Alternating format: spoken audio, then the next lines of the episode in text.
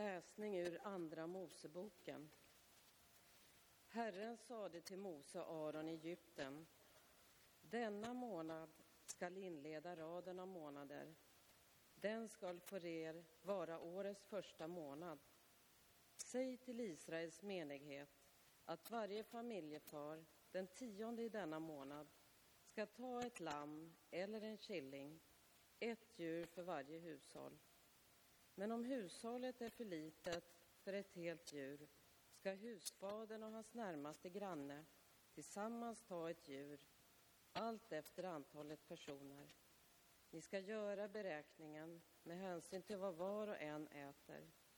Djuret ska vara felfritt, årsgammalt och av hankön och tas från fåren eller från getterna. Ni ska spara det till den fjortonde dagen i denna månad. Då skall hela Israels församlade menighet slakta det mellan skymning och mörker. Man ska ta av blodet och stryka på båda dörrposterna och på tvärbjälken i det hus där man äter det. Köttet ska ätas samma natt. Det ska vara stekt över eld och det ska ätas med osyrat bröd och beska örter. Vid måltiden skall ni ha kläderna uppfästa, skor på fötterna och stav i handen. Ät i hast. Detta är Herrens påsk. Den natten skall jag gå fram genom Egypten och döda allt förstfött i landet, både människor och boskap, och alla Egyptens gudar skall drabbas av min dom. Jag är Herren. Men blodet skall vara ett tecken på husen där ni bor. När jag ser blodet skall jag gå förbi och det förödande slaget skall inte träffa er när jag slår Egypten. Den dagen ska vara en minnesdag för er. Ni ska fira den som en Herrens högtid. I släkte efter släkte skall det vara en oföränderlig ordning att ni firar den. Så lyder Herrens ord. Gud, vi tackar dig.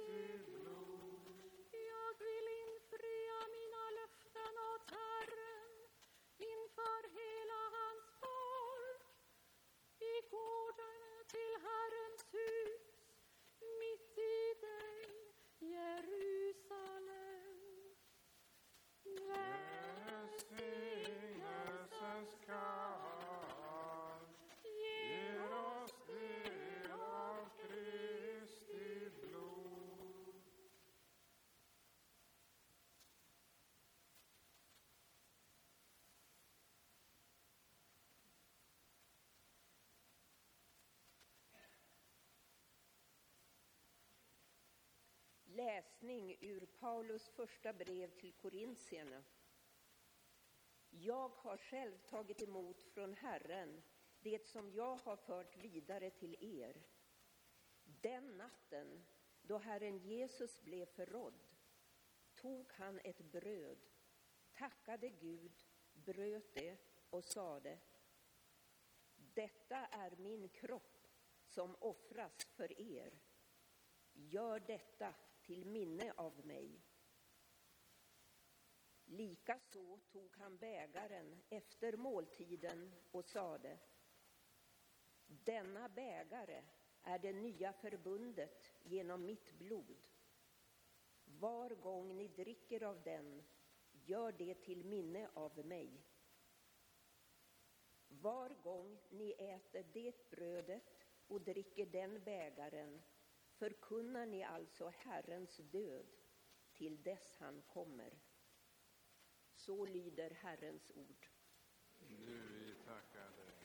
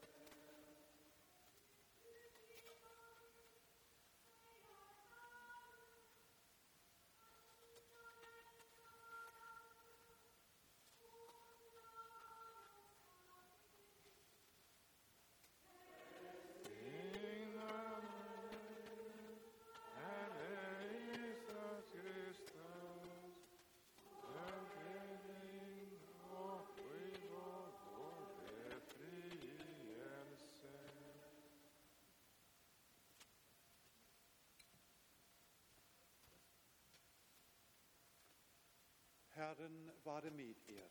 Och med din ande, Läsning ur det heliga evangeliet enligt Johannes. ära vare dig, Herre.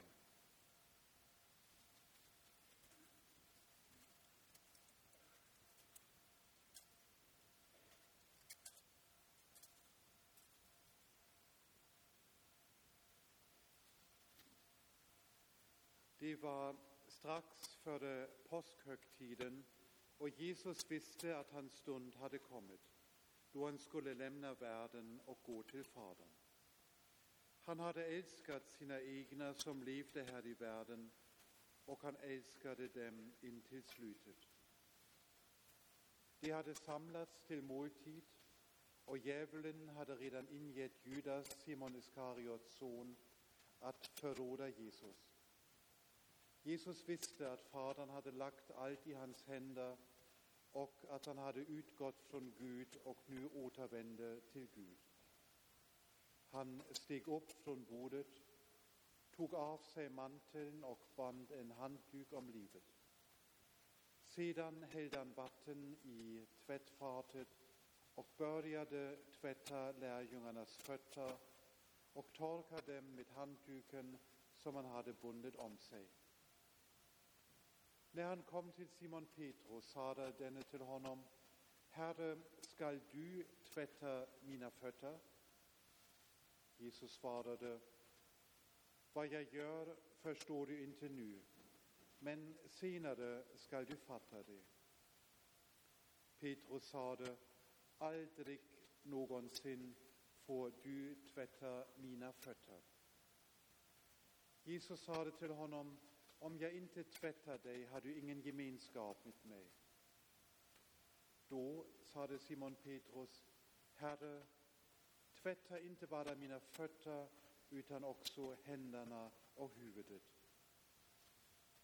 Men Jesus sade till honom, den som har badat behöver bara få fötterna tvättade, i övrigt är han ren. Och ni är rena, dock inte alla. Han visste nämligen vem som skulle förråda honom och därför sade han att de inte alla var rena. När han hade tvättat deras fötter och tagit på sig manteln och lagt sig till bords igen sade han till dem, förstår ni vad det är jag har gjort med er? Ni kallar mig mästare och herre, och det med rätta, för det är jag. Om nu jag som är herre och mästare har tvättat era fötter är också ni skyldiga att tvätta varandras fötter. Jag har gett er ett exempel för att ni ska göra som jag har gjort med er. Så lyder Herrens evangelium. Lovad vare du, Kristus.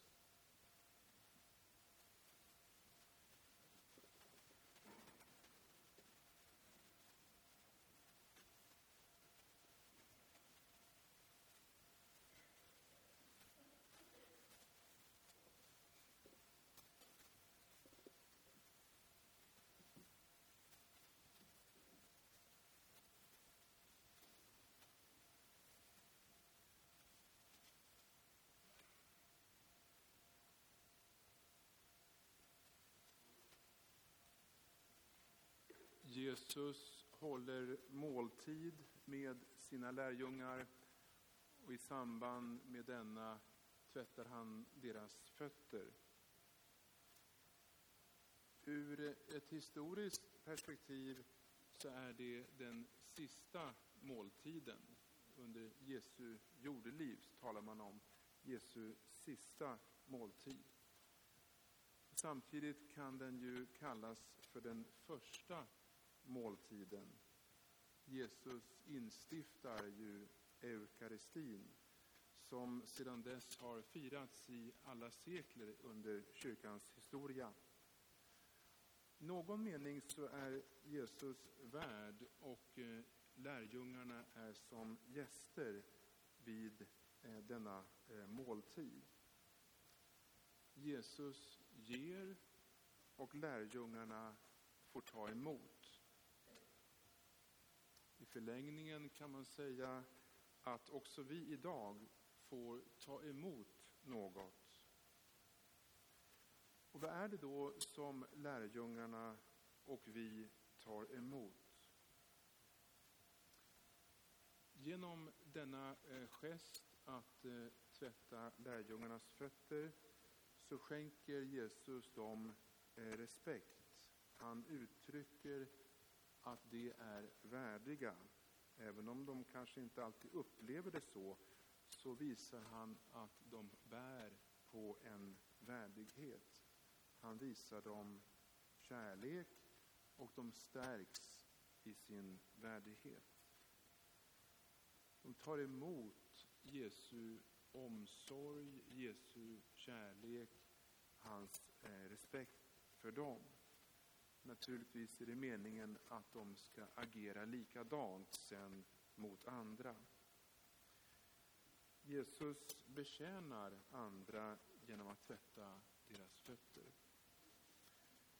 I vår tid är det ju lite udda att eh, göra så, men på eh, den tiden så var det någonting närmast normalt, åtminstone att inför ett besök hos någon, när man kom till någon, att just eh, tvätta sina fötter. Vi ser exempelvis i första Moseboken hur Abraham tar emot eh, tre män och erbjuder dem eh, vatten så att de just skulle kunna tvätta sina fötter. Ungefär som vi tvättar våra händer idag i samband med att vi besöker någon eller inför en måltid. Detta besök av tre män som kommer till Abraham har senan, senare i kristen tradition tolkats som att se så att säga treenigheten som är på besök hos Abraham. Under alla förhållanden så är Abraham fylld av eh, vördnad inför detta. Han tilltalar Gud, Herren, eh, Eh, och kastar sig ner till marken i samband med detta besök. Det är någonting gudomligt över detta besök och i samband med det så erbjuder han de tre gästerna att få tvätta sina fötter. Det nya som Jesus eh, kommer med är att eh, han som är Gud och som är mästare, som det heter här i Johannes evangeliet, att han själv är den som stiger ner och tjänar och så eh, tvättar lärjungarnas fötter. Den som är så att säga värd eller till och med högst upp i hierarkin går längst ner och tjänar de andra. Jesus ger eller erbjuder gemenskap som lärjungarna tar emot. Men det är mycket mer än så, för, utöver de gester som vi har hört, som har beskrivits här. Han ger sig själv. Förutom att visa respekt, visa vördnad, ge kärlek, så ger han sig själv. Det är någonting vi ser ännu tydligare i den delen av eh, berättelsen kring eh, måltiden där det heter, eh, alltså där Jesus delar ut brödet och vinet och säger att det är hans kropp och blod. Han ger sig själv, sin kropp, sitt blod. Det är lite märkligt att eh, just de orden finns inte i Johannesevangeliet som vi har hört idag. I alla fall inte i den senare delen av evangeliet som under flera kapitel behandlar Jesu eh, lidande. Alltså de orden som vi hörde i andra läsningen från första Korintierbrevet där Jesus säger tag, detta är min kropp, tag, detta är mitt blod, finns märkligt nog inte hos eh, Johannes. I alla fall inte i anslutning till fotvagningsscenen som ju hör hemma i hans eh, passion, den måltiden där. Man får gå tidigare i eh, evangeliet enligt Johannes, eh, nämligen till det sjätte kapitlet där vi hör om det stora brödundret, där Jesus med hjälp av sina lärjungar förvandlar fem kornbröd och två fiskar till mat för 5 000 personer. Här har man eukaristins eh, eh, sakrament, skulle man säga, i kyrkans tradition i ett slags embryo eh, nedskrivet, skildrat av evangelisten Johannes. Efter detta brödunder så nästa dag håller Jesus ett tal. Och det är intressant att eh, studera, läsa detta tal lite närmare för att se vad det är som Jesus ger i eukaristins sakrament och det som vi och lärjungarna på den tiden fick ta emot. De 5 000 personer som eh, får näring, en gudomlig himmelsk näring, vad är det de får? Jo, Jesus säger jag är livets bröd. Jag är det levande brödet som har kommit ner från himlen. Den som äter av det brödet ska leva i evighet. Brödet jag ska ge är mitt kött. Jag ger det för att världen ska leva. Brödet jag, jag, eh, jag ska ge är mitt kött.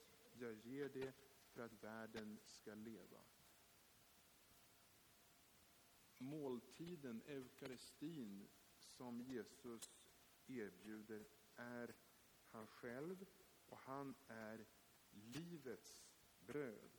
Han ger det för att världen ska leva. Och det lärjungarna alltså får ta emot är någonting så grundläggande som livet själv inte bara något, utan livet ger Jesus till lärjungarna, till den stora skaran och i förlängningen till oss. För allt detta, kära systrar och bröder, tar vi emot. Vi kan få det.